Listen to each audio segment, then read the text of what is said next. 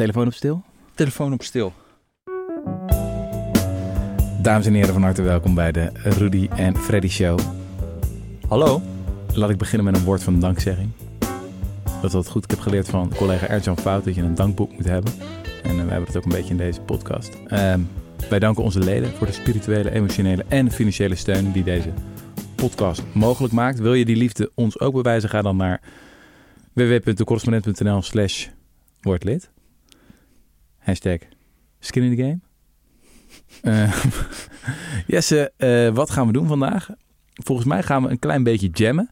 Dit is normaliter een strak dicht geregelde podcast. Ja. Met weinig ruimte voor improvisatie. Weet je, echt strakke lijstjes ja. die we afwerken. Ja. Maar ik dacht, laten we een klein beetje lucht toelaten. Een beetje zuurstof. Gaan we een beetje kijken waar het gesprek ons brengt. Oh. Um, de hoofdvraag van vandaag voor 2022, een nieuw jaar, nieuwe kansen, luidt: hoe werkt de wereld echt? hoe oh God. verander je de wereld? Daar Oh. komt het min of meer op neer, toch? Ja, de- ja, ja oké. Nou, dat is, ja, dat is jouw interpretatie. Ik wou Misschien beginnen- verandert de wereld wel helemaal niet. Zijn er geen variabelen? Is is het een alleen maar constante? Is het gewoon één grote... Ik wou beginnen met deze zeer specifieke vraag. Ehm, jij hebt onlangs een boek gelezen. Zo. ja, ik heb eh, de kerst even opge, opgeleukt met eh, wat toch wel misschien wel een van de meest koude en onsentimentele boeken is die ik ooit heb gelezen. Ja, een bruut atheïstisch boek. Ja, een bruut atheïstisch boek, ja. Mm. Nee, eh, ja, Democracy for Realists heette het. Mhm. Nou, dan heb je me al bij de titel. Maar dat is eigenlijk een, een boek van twee Amerikaanse politicologen, Larry Bartels en Christopher Aiken. Mhm. En dat gaat eigenlijk over. eh, eh, ja, zij beschrijven gewoon heel, heel erg simpel van wat is nou het normale beeld wat je hebt van parlementaire of electorale democratie. Mhm. Dat is eigenlijk, je hebt een volk, die hebben voorkeuren, die kiezen politici die passen bij die voorkeuren en die gaan dan uitvoeren wat eigenlijk het volk wil. Ja. Dus eh, de, de, de, de, de politici zijn een afspiegeling van wat eh, de bevolking wil. De Ja, mensen die stemmen willen. Een representatieve democratie. Zo leer je het bij maatschappijleer. Ja, precies. En zij beginnen eigenlijk dat boek, eh, en zij noemen dat de folk theory of democracy. Ik weet niet helemaal hoe je, het, eh, hoe je dat in het Nederlands, Fol- folklore over democratie, Ja, volks- gewoon de volkstheorie. de volkstheorie van democratie. En, en, en zij zeggen eigenlijk van ja, er zijn inmiddels dus decennia lang hebben politicologen daarna gekeken. Van wat klopt daar nou van? Wat zijn. eh, eh, en zij zelf begonnen eigenlijk ook met het idee van: oké, wat kunnen we redden van dat eh, idee? Mhm. Maar uiteindelijk komen ze er een soort van achter van ja, er zijn zoveel bergen van bewijs dat dat, dat, dat eigenlijk niet helemaal klopt. Dat, Niet helemaal of helemaal niet? hij zei, zij zijn van de school helemaal niet, zeg maar. Dat het helemaal niet klopt. Eh, dat we eigenlijk een heel ander beeld moeten gaan hebben van hoe democratie echt werkt. En dat is dat het eigenlijk veel meer top-down is vanuit partijen of vanuit eh, politici die invloed hebben op kiezers dan andersom. Mhm. Dus waar moet ik dan aan denken? Dat, dus dat er heel veel meningen zijn die mensen koesteren. Bijvoorbeeld een meerderheid van het volk wil dit. I don't know, minder immigranten of een basisinkomen of strengere veiligheidswetgeving. I don't know. En dat dat niet per se gebeurt. Oftewel, de volkstheorie klopt niet. Eh, nee, wat zij, waar zij heel erg mee komen in eerste instantie is gewoon überhaupt dat eh, mensen of mensen überhaupt sterke inhoudelijke voorkeuren hebben. Oh. Dus een van de dingen die je bijvoorbeeld kan doen is, dus dan geven heel veel eh, resultaten van peilingen van. ze hebben dan bijvoorbeeld een, een peiling van Amerikanen in de jaren 80 en dan vragen ze van is, is de overheid te veel aan geld aan het uitgeven of geeft de overheid te weinig geld uit aan assistance to the poor? Ja. Nou, dan zegt 63% ja. Hè, er wordt te weinig uitgegeven aan assistance aan de poor. Maar als je diezelfde mensen vraagt van... eh, wordt er te weinig geld uitgegeven aan welfare... dan is 20 Hmm. tot 25% zegt van ja. Oh, ja. Dus eigenlijk precies hetzelfde idee. Eh, ja, welfare is assistance welfare to the is poor. assistance to the poor. ja. Zeg maar, maar dan in één keer zijn de meningen eh, helemaal verdeeld. Puur voor op zo'n klein vraagje van hoe je het aanpast. ja, omdat welfare heeft een negatieve connotatie. Je, in die tijd dat je de term welfare queen... Ja, Eh, wat Ronald Reagan populariseerde, het idee dat er allemaal mensen aan het chillen waren met hun uitkering. Eh, dus dat wil je niet, maar je wil wel assistance to the poor. Je wil wel arme mensen helpen. ja. Kortom, wat is dan de ware mening van mensen? Ja, hier? ja, ja, en dat heb je ook dus met, eh, heel, heel erg met healthcare. Want toen Obama dat invoerde, van je hebt altijd peilingen die zeggen van ja, wij willen eigenlijk een soort systeem zoals ze in Europa hebben. En dat Ja. is dan in meerderheid voor. Maar als je dat dan weer socialized medicine noemt, Oh ja, ja. dan is het weer helemaal anders. Dus wat, wat is dan die ware voorkeur die we doen? Je kan Ja. altijd uit een peiling halen dat iets wat jou ondersteunt als je het goede woord gebruikt. Zeg Ja, ik heb die truc wel een paar keer uitgehaald op Amerikaanse televisie. Dat is dan altijd grappig als Europeaan. Om even de opiniepeilingen af te gaan. Dat je zegt van, weet ik veel, 80% is voor Medicare for All. 90% wil hogere belastingen voor de allerrijkste. 90% vindt de Green New Deal een mooi plan. Mhm. Maar ja, dat is misschien dan natuurlijk ook een beetje shoppen in de peilingen. Nou ja, de die vraag de is vraag wat op de juiste manier als, hebben gesteld. als, het, als, er, als het strijd wordt. Dus als het eh, kan, kan gebeuren, dan Mhm. gaan natuurlijk beide partijen gaan dan, eh, woorden kiezen die zij die hun bevallen. Ja, ja, ja. ja. En of dat dan nog over de inhoud gaat of over dat er iets heel anders aan de hand is, dat is eigenlijk dan de vraag. ja. Ehm, want eh, ja, en zij geeft nog zo'n leuk voorbeeld van vlak voor de Eerste Golfoorlog, dat ze ongeveer twee derde van de Amerikanen wilden eh, eh, military force gebruiken, maar minder dan de helft wilde to engage in combat en minder dan 30% wilde go to war. Wat gewoon, ja, allemaal een beetje hetzelfde idee is, toch? Ja. Jij hebt toch ook wel eens zo'n peiling van mensen willen dan, zijn dan geen vegetariër of zo, maar willen wel weg met, van slachthuizen. Ja, dat is een fascinerend stukje onderzoek. Dat hadden ze gedaan. Wat was het? Het, het Sentience Institute in de Verenigde Staten. Die had inderdaad gevraagd van... Vind je het een goed idee om slachthuizen af te schaffen? En toen was het bijna de helft van de Amerikanen die zei... ja, ja, we willen slachthuizen afschaffen. En toen was een ander team van onderzoekers van een universiteit... die dachten van, dit is absurd. Ik bedoel, er zijn helemaal niet zoveel vegetariërs in de VS. Dat kan niet. Toen hadden ze een volgvraag gesteld van... besef je dat als je slachthuizen verbiedt... Ja, dat is wel waar het vlees vandaan komt. En toen was nog steeds driekwart van de mensen die ja hadden gezegd... zeiden ja, vinden we wel een goed idee. ja. Ja, inconsistentie in meningen en opvattingen... dat lijkt een beetje inherent aan de menselijke natuur. Ja, ja, ja, ja. Nou ja, en daar geven zij echt ook heel veel bewijs van dat je gewoon door de tijd heen ziet dat het ook de hele tijd verandert, meningen van mensen, maar hun partijkeuze vrij constant blijft. Ah, Wat ook vreemd is. ja. Eh, eh, maar, eh, en ook gewoon puur, dit is, dit is nog zeg maar van hoe consistent zijn hun opvattingen Mhm. eh, over inhoudelijke dingen, maar ook gewoon pure politieke onwetendheid. Dus gewoon belangrijke dingen, je, dat, dat onderschat je totaal, omdat je, wij in een, in een bubbel zitten, ook in Nederland natuurlijk, van mensen die gewoon de hele tijd het nieuws volgen Mhm. en politiek nieuws. Eh, maar de meeste mensen boeit dat helemaal niks eigenlijk. Dus in 1972 wist, eh, hebben ze een peiling van oh, wist slechts 22% iets over Watergate. 22 procent ja, dat maar. is extreem laag natuurlijk. Wow. En in 1985 wist 59% eh of hun gouverneur in hun staat een democraat of een republikein was. Ja, ja, ja, ja. ja. En dat kan je dus ook in, eh, in Nederland. Hè, hebben ze dus ook een nationaal kiezersonderzoek. Dacht ongeveer een kwart van de respondenten daarin dacht dat CDA in paars 1 zat. Hm. Dat ongeveer de helft van de mensen wist maar correct alle partijen in het kabinet Balkenende 4 op te noemen. Mhm. Dus er is een soort van... De helft maar. De helft, ja. ja. Eh, ze hebben dan ook een vraag van... Oké, is het begrotingstekort onder Clinton eh, toe of afgenomen? Ja, Nou, die is enorm afgenomen tijdens Clinton. ja. Ehm, maar dan gaan ze kijken, oké, hoe beantwoorden Republikeinen en Democraten die vraag? Mhm. En je ziet dat bij Republikeinen, die extreem, juist als ze meer geïnteresseerd zijn in politiek nieuws, geven ze meer, eh, eerder het verkeerde antwoord. Oh, ja, ja, Dus zij weten dat het gênant zou zijn als een democraat inderdaad het begrotingstekort heeft gereduceerd. Want dat past niet in het wereldbeeld. Ja. Ehm, hoewel dat wel zo is. Maar zeg maar, eh, tot, eh, tot, dan heb je een schaal van politieke kennis. Dat, Ja. En tot de 85% percentiel zie je dat het gewoon toeneemt. Dus dat de mensen het verkeerde eh, antwoord geven. Op Ja. een gegeven moment weten ze genoeg dat het, ze weten dat het toch niet klopt. Ja. Maar het past niet bij hun wereldbeeld. ja. Meer kennis maakt je dommer. Nou ja, meer in dit geval dus maakt je meer, meer, Ja. meer dat er veel meer feitenpolarisatie ontstaat. Ja, dus dan ja. ga je het ook niet eens zijn over de feiten. Ja.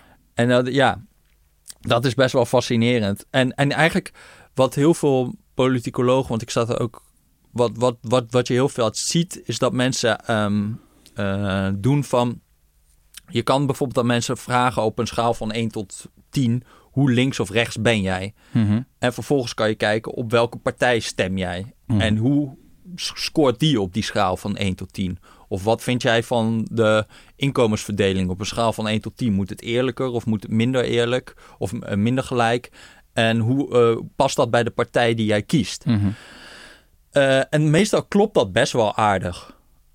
Alleen daar heb je natuurlijk drie verklaringen voor. Of die kiezer die kiest eigenlijk gewoon de partij die past bij wat hij al vond. Mhm. Of hij, laat zich, hij kiest eerst de partij bij wie hij vindt dat hij past. En vervolgens past hij zijn eigen opvatting daaraan aan. Mhm. Of drie, hij heeft een opvatting en projecteert zijn eigen opvatting op wat die partij vindt, ook al klopt dat niet. Oh ja, ja, dan denk je dat de partij vindt wat jij vindt, ook al vindt de partij dat helemaal niet. Ja, ja. Ah, ja. En daarvan alle drie, die, of eh, zij, zij leggen in dat boek eigenlijk heel erg de nadruk op die laatste twee. En die geven daar ook wel interessant eh, bewijs voor. Van, je hebt bijvoorbeeld daar in eh, Amerika dat ze in 2000 eh, werd de sociale social security, dus dat is hun AOW, die wilde een soort van privatiseren. Dus dat Ja. dat dan allemaal in een soort van fonds werd gestort en die ging dan be- beleggen in de beurs. Oh ja. Nou, 2000, ook lekkere timing om dat te gaan doen. Uitstekend plan. Ja. Maar dat had eh, eh, George W. Bush had dat als een soort van eh, plan. En die had echt een heleboel eh, reclamespotjes en zo om, eh, om dat echt een groot onderwerp te maken in de Mhm. laatste verkiezingen. Nou, wat je zag was dat Bush-stemmers inderdaad het vaak eens waren met dat plan Mhm. eh, uiteindelijk. Eh, maar er werd dus dan, ze hebben dan nog zo'n analyse gedaan van ja, maar wat eigenlijk bleek was dat mensen die al Bush wilden stemmen, eh, leerden over de mening van hun kandidaat Mhm. en dat ook gingen vinden. Ja. Dus het was gewoon, het leek alsof het gewoon zo was dat die kandidaten dat dat volgde uit, eh, eh, uit wat de kiezers vonden. Maar juist, het was eerder andersom. Dus Ja. dat die kiezers volgden ja. wat, wat die kandidaten vonden. Ja. En Hoe dat werkt het dan wel? Is het dan dat het puur gaat om identiteit? Dat je eerst bedenkt, oké, ik voel mij onderdeel van deze groep. Ik, je ziet bijvoorbeeld een Sigrid Kaag en je denkt, wat een fijne, genuanceerde vrouw. Weet je wel, die Ja. spreekt in volzinnen, die een internationale carrière heeft, een cosmopoliet. Eh, ja, dat, ik voel me daar, ja, daar hoor ik bij. Dat is mijn type mens. En dat je dan denkt, ja, eigenlijk alles wat Sigrid Kaag vindt, dat zal ik ook wel vinden. Ja, dus dat is, dat is hun theorie heel erg. Dat het, een, eh, eh, begint met groepsidentiteit. Hm. Dus ik ben een soort, een bepaald soort mens. Daarbij kies jij de partij uit. En vervolgens eh, neem je die posities. Of je, doet, of je denkt dat die partij dezelfde opvattingen deelt als jij. Dus bijvoorbeeld het hele electoraat is op economische onderwerpen in Amerika ook vaak ietsje linkser dan de Republikeinen. Nou, Ja. dus dat heb je al vrij snel natuurlijk. Maar ja, inderdaad. Ja. maar eh, dus ja, eigenlijk gaat, eh, eh, zeggen zij dat het zo werkt. Dus je begint met die groepsidentiteit. En daaruit volgt de rest. En daar heb je natuurlijk in Nederland ook wel van... ja, de, de gemiddelde voetbal insight eh, kijker... die zal bij Jesse Klaver niet direct een warm gevoel krijgen. Nee. Maar bij Klaas Dijkhoff wel. ja. En de vraag is, hoe erg is dat nog verankerd in inhoud? Dus het is natuurlijk wel fascinerend nu met zo'n met, met zo'n Dijkhoff. Ja, wij hebben hem eh, ook gesproken. We hadden Mhm. dan een beetje de provocatieve titel... een linkse jongen met een rechts levensgevoel Ja, erboven ja, gezet. Maar daar zit wel denk ik iets in. Hij heeft gewoon, eh, of niet, of hij daar per se- per se voor verantwoordelijk is. Maar je ziet dat die hele VVD best wel, ook op economische thema's... eh, als je gewoon die doorrekeningen van CPB ziet van verkiezingsprogramma's... Ja, het is enorm opgeschoven naar links eigenlijk. Ja, ik vind het altijd heel irritant als mensen zeggen van ik ben tegen identiteitspolitiek of zo. En dat wordt dan vaak geframed als iets links of zo. Terwijl identiteitspolitiek is feitelijk wat iedereen doet, wat alle partijen doen. Natuurlijk. Dus Klaas Dijkhoff zei in die podcast van ja, of zei hij dat achteraf? In ieder geval van dat hij geen vlees eet, maar hij is geen vegetariër. Ja, Maar hij eet geen vlees. ja. Oh, ik eet gewoon geen vlees. Ja, ik ben ja, geen vegetariër, ja, ja. weet je wel? Want dat label vegetariër, dat, is een, dat past niet bij, bij het hokje en het vakje waarin die wil zitten. En hij is bang Ja. dat hij daar mensen mee afschrikt. En ik denk trouwens dat het best wel verstandig is dat hij dat zo aanpakt. En Ja. misschien heb je, heeft de dierenrechtenbeweging wel meer aan de Klaas Dijkhofjes dan aan, eh aan een Ja, De Rutgers die loopt te toeteren van "Oh, ik ben vegan. Ja, Eh, tuurlijk. Weet je ja. Als je het, als je het breder wil maken. Qua overtuigen is dat Ja. veel, veel krachtiger. Want Maar eigenlijk krijg je dan een heel ander beeld toch van hoe, om terug te komen op de hoofdvraag, hoe verander je de wereld? Wat je eigenlijk moet proberen is om opvattingen te verbinden aan bepaalde identiteiten. In plaats van dat je Kijk, het normale beeld is dat je mensen moet overtuigen ergens van. Dat je komt met argumenten. Ja, Dat je zegt van, hé, hey, jij vindt nu dit, maar argument 1, argument 2, argument 3, wist je dit, wist je zus, wist je zo. Terwijl dat werkt misschien niet zo goed. Ja. Ehm, terwijl als je er een bepaalde opvatting associeert met een bepaalde groep waar ze bij willen horen, Mhm. of het, of het framed in een taal die ze herkennen, ehm, ja. weet je wel, voor het hogere belastingen ga je dan framen als eh, eh, een boete op luiheid of zo, waar we het eerder over hadden, de, er, de, iets als de erfbelasting. Mhm. Als, als je zegt, ehm, vind je het rechtvaardig om, eh I don't know, geld af te pakken van mensen waar ze hard voor, hun leven lang hard voor hebben gewerkt? Dan zeggen de meeste mensen nee. Als je zegt, vind je het rechtvaardig om een boete op luiheid in te stellen, zodat luie kinderen wel zelf moeten werken voor hun geld? Dan zeggen veel mensen ja, weet je wel. ja. Hetzelfde idee natuurlijk. Ja, maar dan ben je ze toch weer aan het overtuigen van het inhoudelijke punt. Terwijl dat misschien er niet eens... Zeg maar, het gaat veel meer over... eh, eh, stel nu dat de VVD opeens eh, zou zeggen... Ja, zo'n bedrijfsopvolgingsfaciliteit hè, over dat, ja. dat rijke bedrijfseigenaren bijna belastingvrij de boel kunnen doorerven. We zijn daar toch niet voor.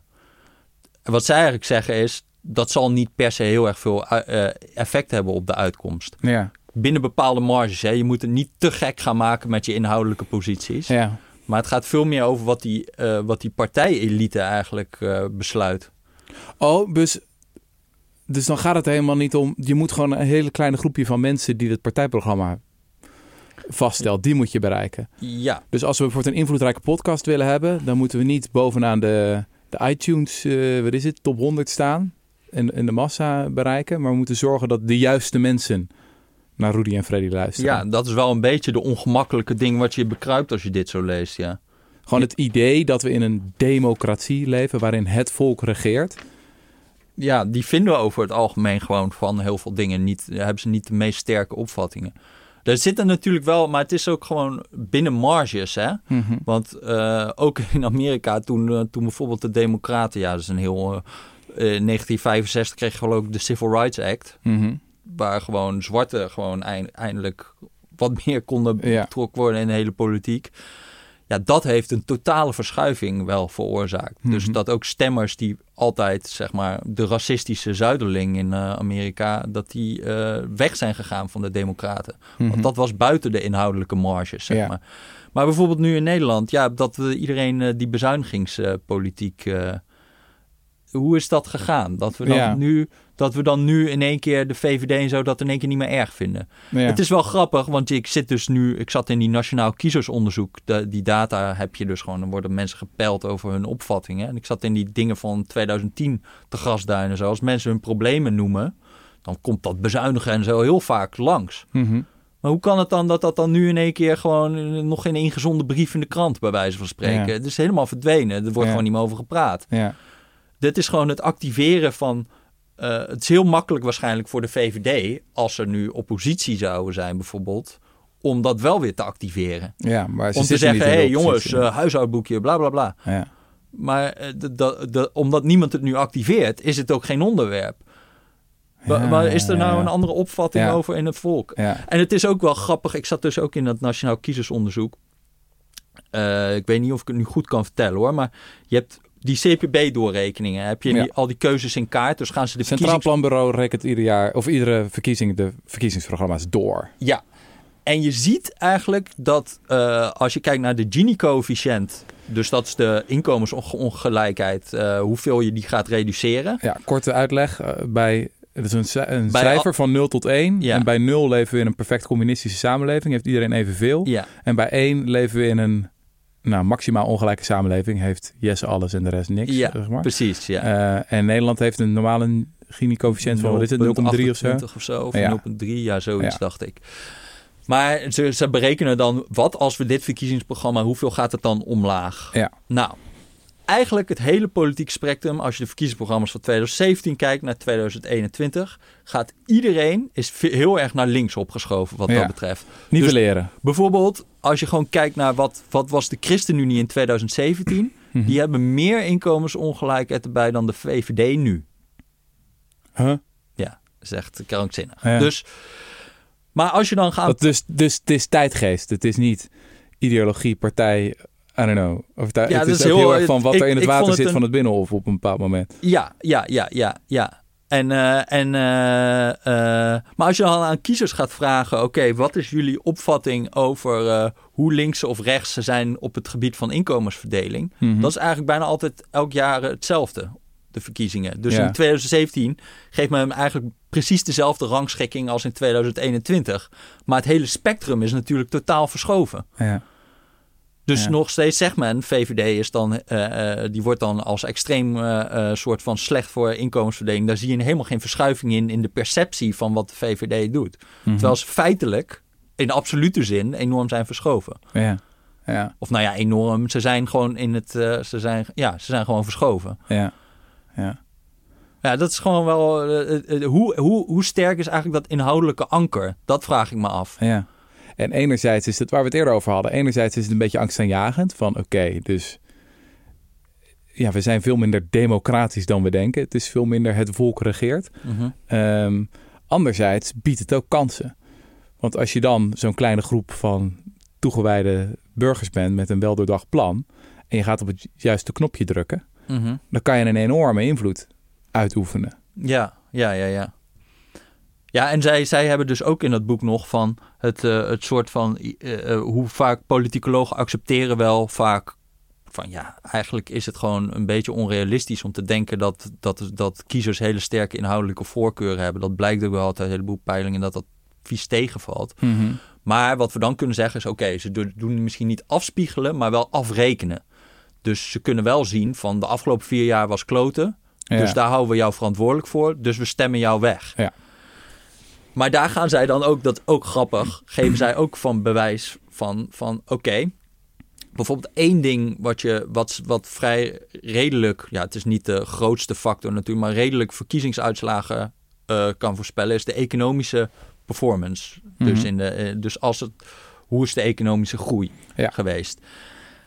Maar laten zij dan zien, eh, dat gaat niet over de economische groei in de totale periode van vier jaar, Mhm. maar alleen om het laatste half jaar. Oh ja, ja. Want dat kan je onthouden. Ja, want Ja. dat kan je onthouden. Maar als je gewoon die data plot van wat is nou de economische groei per kwartaal of zo, ja, dat Ja. lijkt gewoon een totaal random puntenwolk. Ja. Het lijkt wel alsof er gewoon een soort van stoelendans is en als de muziek in één keer stopt en dan zijn de verkiezingen en dan heb je gewoon botte pech en dan gaat het de andere kant op. En ze laten nog, nog meer grappige dingen van. Ze laten zien eh, natuurrampen. Dus eh, overstromingen of droogte in een bepaalde staat. Mhm. Eh, daarvoor op wordt ook de president afgerekend. Nou kan je natuurlijk zeggen, ja, die doet het. ze hebben dus data over een periode van 100 jaar. Ja. Dan kan je zeggen, ja, ze hebben het dus ook misschien verkeerd gedaan door geen dammen te bouwen of weet ik veel wat. Mhm. Maar als je over een periode van 100 jaar eh, altijd de president erop afrekent als dat gebeurt, ja, dat is een beetje raar. Want gemiddeld doen ze het dan, doet iedereen het dan slecht. Ja, je, gaat gemiddeld, je Nee, zou ja, verwachten dat het gewoon af en toe de een of af en toe de ander, Nee. maar niet. Het is gewoon altijd een probleem voor Ja, het is je. altijd een probleem. Maar daar klopt natuurlijk ook geen jota van, want daar kan, de, kan zo'n president ook niks aan doen. Ja. En toen zat ik te denken aan Nederland. Ehm, ja, als je dan ook nog in Nederland krijgt dan nog de complicatie. Want je vraagt je wel bij dit boek af, dat had ik wel de hele tijd. Van, is dit nou heel Amerikaans? Want ze hebben daar natuurlijk ook een krankzinnig stelsel. En het zijn veel Amerikaanse voorbeelden. Ja, Maar hier- ja, heel bev- gepolariseerd. En natuurlijk democraat, republikein. Ja, dat je gaat switchen is natuurlijk ondenkbaar. Ja, nee, dat is, dus, dus dat klopt. Maar bijvoorbeeld met dat afrekenen, lijkt mij in Nederland, eh, omdat het met die coalities zit, Mhm. Dat het heel moeilijk is te zeggen wie is verantwoordelijk voor dit. Weet je wel? Mhm. Nou ja, nou helemaal als je niet eens weet wie er in die coalitie zit, dan wordt afrekenen natuurlijk sowieso een beetje gecompliceerd. Mhm. Maar je, je- eh, ik bedoel, die VVD, PvdA, was dat nou de PvdA verantwoordelijk voor het regeringsbeleid of de VVD? Of Ja. hoe weeg je dat precies? Dat is nog een complicatie erop. Ja, ja, ja, ja. Dus dat, is, dat maakt volgens mij dat afrekenen ook heel moeilijk. Ik ben, en, en ik was dus wel heel benieuwd, omdat ik dan altijd die Nederlandse politicologen, een beetje Tom van der Meer en zo, Mhm. die hebben dan van die boekjes van De Kiezer is niet gek. En eh, die zijn eigenlijk heel enthousiast. Maar ik zie hem ook dit boek citeren. En dan denk ik van... Hmm, eh, denken wij dan dat het in Nederland heel erg anders is of zo? Ja. Of is Amerika gewoon... eh, eh, dat, dat daar de kiezer extreem onwetend is of eh, heel erg... of is dat gewoon... Nou, in Nederland hebben we wel iets als de kieswijzer. Dat mensen oprecht denken van... oké, er zijn verkiezingen, ik weet niet wat ik moet stemmen. In de VS heb je dat natuurlijk niet. nee. En wat ik ook denk, want dat, dat wa- was ook nog een leuk voorbeeld wat ik las van.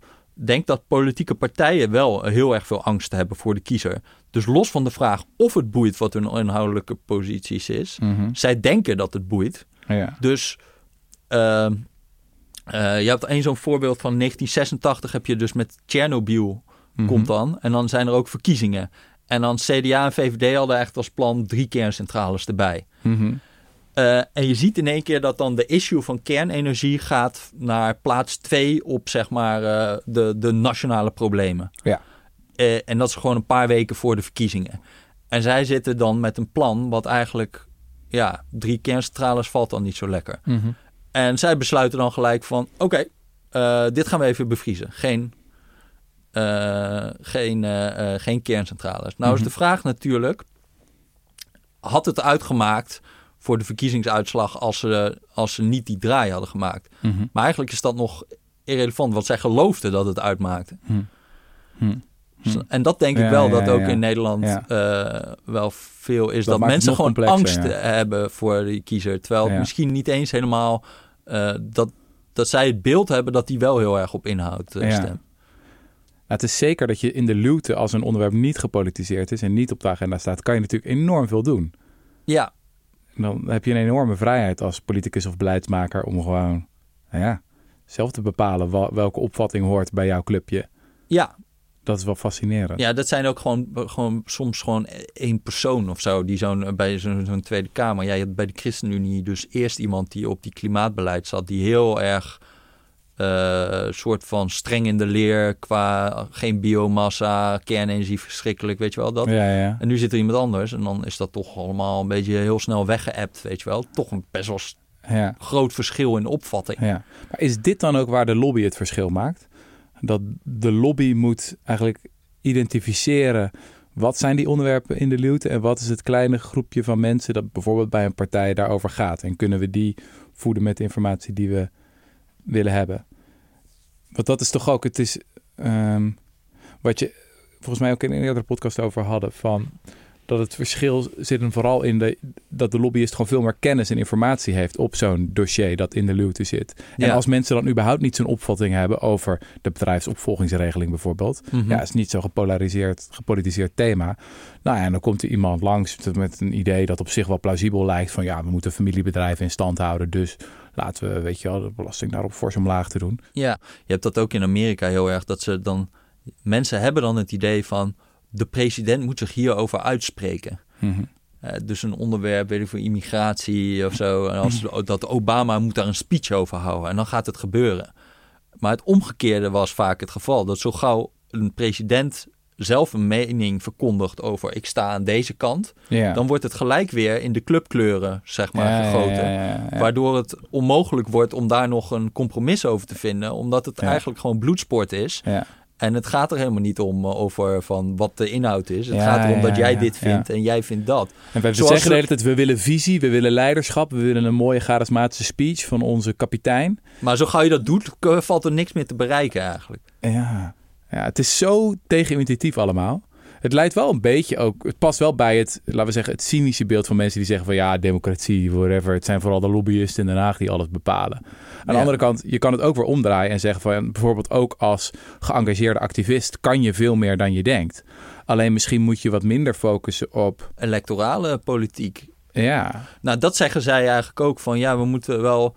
Eh, Wel grappig. Ik zat zo'n panel te kijken van dat ze dat boek bespraken. En er was dan een gast die deed ook heel veel met democratie in eh, Zuid-Amerika en Afrika en weet ik veel wat. mhm, En die was erg fan van dit boek ook. Omdat hij zei van... Ja, weet je, de opvatting in, eh, in sommige landen is gewoon van... Ja, die verkiezingen is gewoon welke... Wie gaat ons de komende vier jaar bestelen, zeg maar. ja, Het idee dat je met door, alleen door verkiezingen... en goed georganiseerde verkiezingen, eerlijke verkiezingen... dat je daardoor goede uit, politieke uitkomsten krijgt... is gewoon extreem naïef. Er zit veel meer achter. Een heel, heel systeem van... Nou ja, hoe onze overheid is georganiseerd. Die hele bureaucratieën, weet ik Mhm. veel wat. Dat is veel belangrijker dan we eh, willen erkennen vaak. mhm. Dat, is de, dat is het wat een groot verschil maakt tussen Nederland en, niet, en Nederland en andere landen misschien. Ja, ja, en niet alleen die electorale pijler, zeg ja, maar. ja. Mhm. Ik heb in de afgelopen maanden heel veel gelezen over eh, de afschaffing van de slavernij, Ja, het abolitionisme. Er een volkomen fascinerende geschiedenis waar ik zelf, moet ik bekennen, relatief weinig van af wist. Ik bedoel, ja, ik heb geschiedenis gestudeerd, maar in ieder geval in mijn tijd was dat geen groot onderwerp. Ehm, en ehm, het, is, het is zo fascinerend. In die, in die geschiedenis van de, de strijd voor de afschaffing van de slavernij gebeuren de hele tijd de goede dingen om de verkeerde redenen. Daar komt het eigenlijk op neer. ja. Ehm, dus je hebt bijvoorbeeld net een geweldig boek gelezen, Barry the Change van Adam Hochschild. Dat Mhm. zit nu al in mijn Classic, top, ja, echt wel in mijn top 5 van meest favoriete boeken aller tijden, denk ik. Dat gaat over Thomas Clarkson. Dat was een, eh, ja, die begon eigenlijk op 25-jarige leeftijd. Was net st- student af van, wat is het? Oxford geloof ik. Had een essay-wedstrijd gewonnen. Eh, die essay-wedstrijd ging over de vraag van... is de slavernij oké, ja of nee? Hij had er eigenlijk nog nooit over nagedacht. Hij wilde gewoon de wedstrijd winnen. Mhm. En toen ging hij een stuk schrijven op basis van voornamelijk Quaker literatuur, waar we het eerder in de podcast over hadden. Dat waren eigenlijk de eerste tegenstanders van, eh, van de slavernij, witte tegenstanders, let wel. Ehm, en ehm, hij, hij is daar aan het werk en begint, raakt helemaal overtuigd van oké, ik moet hier mijn leven aan wijden. En die heeft dat inderdaad gedaan. Wat is het? 60 jaar gestreden tegen de slavernij. En dat, er zijn zoveel politieke lessen uit te trekken uit hoe, hoe hij en zijn companen dat gedaan hebben. Dus bijvoorbeeld een van de eerste ehm, dingen die hij ontdekt is... Ja, als jij gaat roepen van oh, slavernij is zo vreselijk erg. Ja, weet je, eind 18e eeuw is het volkomen normaal. Weet je, 9 van de 10 mensen vond zoiets van... Ja, dat, dat hoort bij het leven. Dat heb je overal. Mhm. Dat heb je in China, dat heb je in India, dat heb je onder de Native Americans. Weet je, je hebt het, de Azteken, de Maya's, de oude Romeinen, de Grieken. Slavernij is gewoon onderdeel van de menselijke conditie, hoort erbij. Weet je. Mhm. Ehm, dus het hele idee van je kan dat instituut afschaffen, dat was volstrekt nieuw. Ehm, en wat gaan zij dus doen? Zij gaan in eerste instantie focussen op het lot van de Britse matrozen. Hoe ellendig zij het hadden op die slavenschepen. Ja, voor, weet je, voor moderne mensen is dat gewoon volstrekt gekmakend om te lezen. Dat je denkt, wat gingen ze daar? Was die politieke campagne in eerste instantie daarop gefocust? Maar dat ging die Thomas Clarkson inderdaad doen. Hij ging heel veel Britse matrozen interviewen, data verzamelen. En hij kwam erachter dat ongeveer 20% overleefde de reis niet. En dat was een politiek super saillant ding. Van wow, 20%. Wow, dit is heel erg, weet je wel. Dat is, dat is meer dan de, het overlijdensrisico van alle andere beroepen in Groot-Brittannië bij elkaar. Mhm. En zo weet hij het op eh, de agenda te krijgen. En de, de hele tijd zit die, zit die geschiedenis daar vol mee. Ook allerlei ongemakkelijke coalities. En doet hij dat heel bewust? Is hij dan een soort van Dit wel, ja, ja. machiavellistisch? Absoluut, ja. Ja? Dit is echt van, nou ja, hoe zeg je dat? Activisme voor realists. Ja. Van, eh, het, het is sowieso...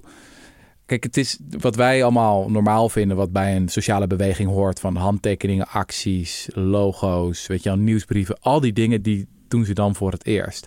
ja. Dus je krijgt voor het eerst echt grootschalige handtekeningenacties van, van honderdduizenden mensen die hun handtekeningen ergens ehm voor zetten. Dat is sowieso fascinerend om te lezen van hoe dat allemaal voor het eerst wordt bedacht. Mhm. Maar één heel belangrijk thema is ook eh, de coalities die, die ontstaan. Want in eerste instantie die Quakers, die, niemand luistert naar die gekke Quakers. Weet je, een beetje een raar Enge religieuze secte. toch? ja, dus die kwekers die realiseren zich van wij moeten bondgenootschappen sluiten met Anglikanen. Van Ja. de, die de- bij de Church of England horen. Want anders luistert niemand naar ons.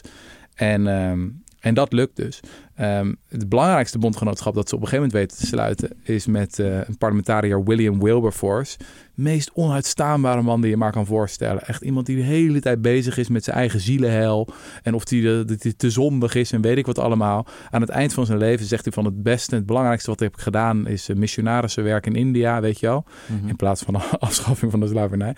Ehm, en dan die eerste speeches die die William Wilberforce gaat geven in het, in het parlement. Er sterk ingestoken dus door die abolitionistische lobby. Ehm, dat zit echt, de retoriek is helemaal van... Lieve, lieve slavenhouders.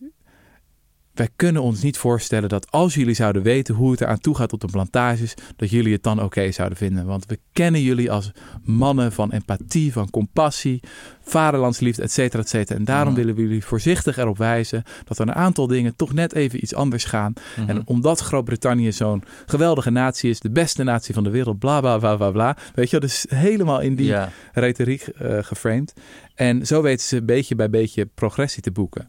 Maar dat is ook weer echt, nou ja, wat ik zei, met moderne eh, ogen is het een ook behoorlijk gekmakende geschiedenis. De hele tijd gebeuren de goede dingen om, uh, om de verkeerde redenen. Um, maar uh, lukt het zo stapgewijs, lukt het die groep om, dat een, om het een politiek thema te maken. Mm -hmm. En dat is ook heel interessant dat het op andere plekken niet lukte. Dus bijvoorbeeld in de VS um, had je natuurlijk ook een abolitionistische beweging. Maar die, je zou goed kunnen betogen dat die feitelijk is mislukt. Ik bedoel, ja. het, het, je had uiteindelijk een burgeroorlog nodig. Jaren later, decennia later, weet je wel, in de, in de jaren 1860. En daarna is pas de slavernij afgeschaft. Want wanneer is hij in Groot-Brittannië 1807 is de slavenhandel afgeschaft. En 1832 of 33, moet ik even voor je opzoeken, uh, mm -hmm. is de slavernij helemaal afgeschaft. Okay. Dat is ook een interessant punt trouwens. Is die abolitionisten die realiseerden zich van we kunnen wel gaan pleiten voor het afschaffen van de hele slavernij. En dat, dat wilden zij natuurlijk. Maar dat is politiek volstrekt onhaalbaar. Dat kan nooit. Dan neemt niemand ons serieus. -hmm. Wat ze zeiden is van... laten we nou de slavenhandel afschaffen. Uh, en hun argument was daarbij van... A, als we de slavenhandel hebben afgeschaft... dan zullen uh, de plantagehouders hun slaven veel beter moeten behandelen. Uh, want ja, ze hebben niet de eindeloze toevoer meer van, van slaven. ze kunnen niet... Ja, heel cru mensen die dood zijn gegaan vervangen met, met nieuwe. Ja. Er was toen een gezegde onder Britse slavenhouders van dat het goedkoper was om, ja weer heel cru, maar dat het goedkoper was om nieuwe slaven te kopen dan om ze te fokken. Ja, hun woorden, niet mijn woorden. Mm -hmm. um, dat is ook iets wat ik niet wist, maar slavernij in de Britse Caraïben was echt nog bruter dan in de Amerikaanse koloniën. Mhm. Dus even statistiekjes. Half miljoen slaven worden naar de 13 Amerikaanse koloniën gebracht. Weet je wel, de, de bekende namen Virginia en zo. Ja. Um, die, uh, dat, die populatie is uitgegroeid tot 4 miljoen rond 1860, als de slavernij uh, Ja. uh, wordt afgeschaft. Um, in de Britse koloniën, dus dan denk aan Jamaica, Barbados, um, daar worden 2 miljoen slaven naartoe gebracht, 2,3 miljoen. En er zijn er 670.000 van over als in 1832 de slavernij wordt afgeschaft. Oftewel, het was gewoon een slachthuis, de Britse Caraïben. Daar ging gewoon de hele tijd gingen slaven dood. En dat werd elke keer werd nieuw vervangen. Als er geen toevoer was van nieuwe slaven, dan zou de bevolking, slavenbevolking daar met 3% per jaar zijn afgenomen. Omdat het gewoon zo'n vreselijk dode, dodelijke en ellendige plek was. Jezus, maar dit wisten die abolitionisten dus. Die wisten dus van als wij de slavenhandel afschaffen... Als we dat dan... afknijpen, dan gaat Ja. het vanzelf op. En echt- Je hebt dan toch ook allemaal Britse conservatieven. Was niet die Edmund Burke en zo? Of waren die wel voorstander? Edmund Burke was... Kijk, al die verlichtingsfilosofen, ook weer zo interessant.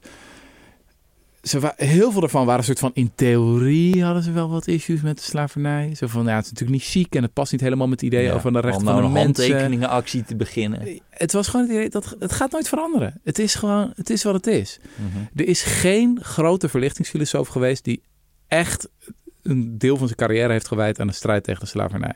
Die echt een soort van groot boek heeft geschreven van dit is de, de case against slavery. Er is ook niemand die echt de case for slavery heeft geschreven. Zo van, en, en daarom is het een goed idee. Mhm.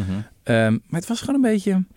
Nee, die hypocrisie, die, die zie, kom je overal terug. Voltaire, weet je wel, die was op- papier wel tegen de slavernij. Dat is niet Mhm. chic natuurlijk. Maar dan wordt er een slavenschip naar vernoemd. Vindt hij toch wel leuk. Eh, Thomas Jefferson, weet je, een van de founding fathers. Worstelt met, met zijn geweten en zo. Slavernij kan het nou wel. En hij schrijft notabene All men are created equal. Maar hij heeft ook 600 slaven, waaronder vier van zijn eigen kinderen. Weet je, dat is elke keer... Had hij niet ook tanden van zijn eigen slaven? Dat was George Washington, Oh, ja. ja. Negen van zijn tanden waren getrokken uit het gebit van, van slaven. Ehm, vandaag nog een fascinerend feitje tegengekomen. Wist je dat de, de Statue of Liberty had aanvankelijk had het ehm, en niet een, een, een, een eh, zo'n vlam, weet je, een Fakkel. torch in handen, maar gebroken kettingen. En toen hebben ze later bedacht Oh. van nee, dat is, dat is toch, we gaan het anders doen. Het is meer gewoon de vrijheid van eh, iedereen, bla bla bla. Maar die gebroken kettingen zitten, zijn er nog steeds, alleen die zitten aan de voet van het standbeeld. En als je op Liberty Island bent, ik weet niet of je er wel eens geweest bent, Nee. nou, ik wel, dan ben je er, maar dan kan je het niet zien, want het standbeeld staat te hoog. Ik bedoel, wat voor metafoor is dat? Dat die geschiedenis van de slavernij, zeg maar, in dat beroemdste standbeeld al een beetje weg is geduwd. Gemo- Nou goed, ik dwaal een ja. beetje af. Wat, wat het punt is, die, die eerste grote sociale beweging, Mhm.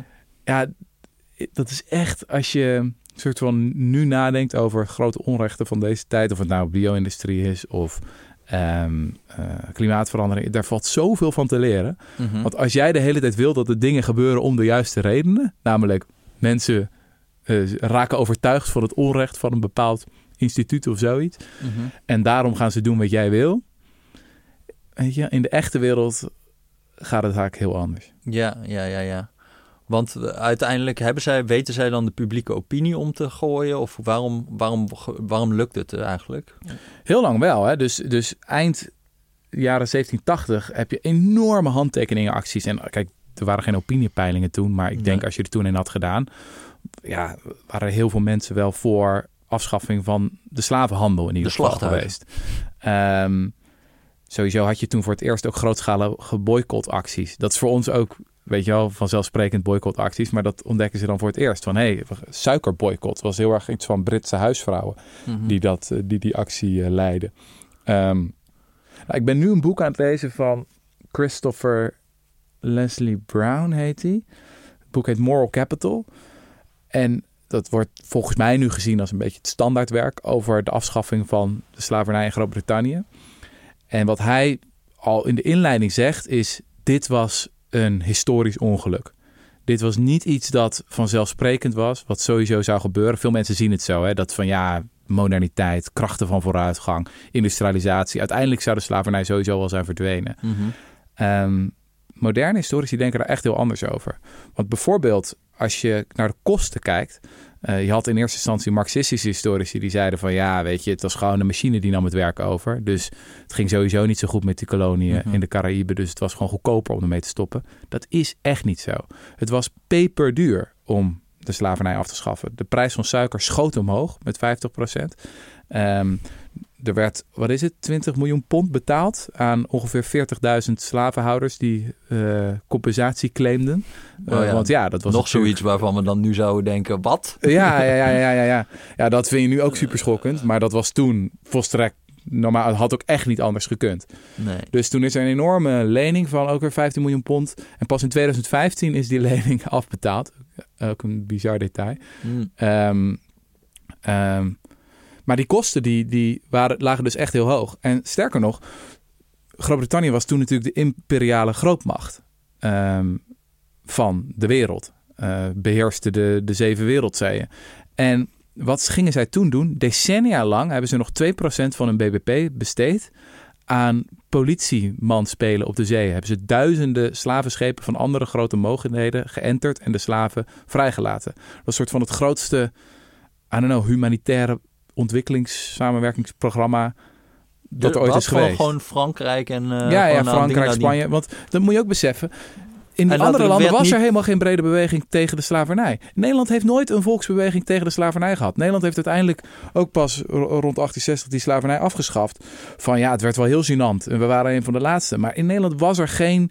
waren niet heel veel prominente intellectuelen, schrijvers, politici. Dat, dat was er allemaal niet. Je kan altijd wel wat mensen aanwijzen, maar er was niet zoals in Groot-Brittannië echt een brede beweging van Hm. betrokken burgers die zeiden: hier moeten we mee stoppen. Dat was er niet. Mhm. Maar ik ben er wel echt, door er meer en meer over te lezen, meer gaan beseffen hoe contingent het in feite was. En dat het echt, je kan je echt wel voorstellen dat als bepaalde mensen, I don't know, onder een, eh, een paard en wagen waren gekomen, ja, tram was er nog niet. Mhm. Die Thomas Clarkson ging ook echt eh, per paard van, van dorp naar dorp om eh, abolitionistische propaganda te verspreiden. Maar ja, als hij niet had bestaan, als William Wilberforce er niet was geweest, als eh, nou ja, nog een aantal figuren, Mhm. je kan je echt wel voorstellen dat het radicaal anders was gelopen. De, alleen al het feit dat bijvoorbeeld de abolitionistische beweging in de VS niet zo succesvol was.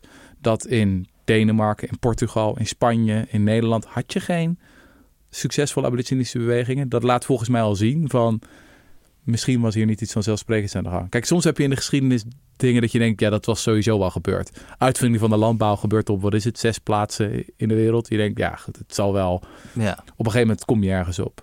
Maar dit had in ieder geval veel langer kunnen duren. En het had, denk ja, ik, heel anders sowieso kunnen het lopen. verschil tussen of het nu of het dan is of 50 jaar is al heel wat. Is al enorm, ja. ja. Je, moet je ook beseffen dat eind 18e eeuw was de slavenhandel niet in decline, maar op een hoogtepunt. Heel interessant. En wat is de Eh, les dan? Ja, voor mij toch ook wel weer dat, dat citaat waar we, het, waar we het eerder over hadden. Dat is ook wel het motto van dat, dat boek van Adam Hochschild, Bury the Change. Ehm, Margaret Mead die zegt... Never underestimate the power of a small group of, of thoughtful, committed citizens to change the world.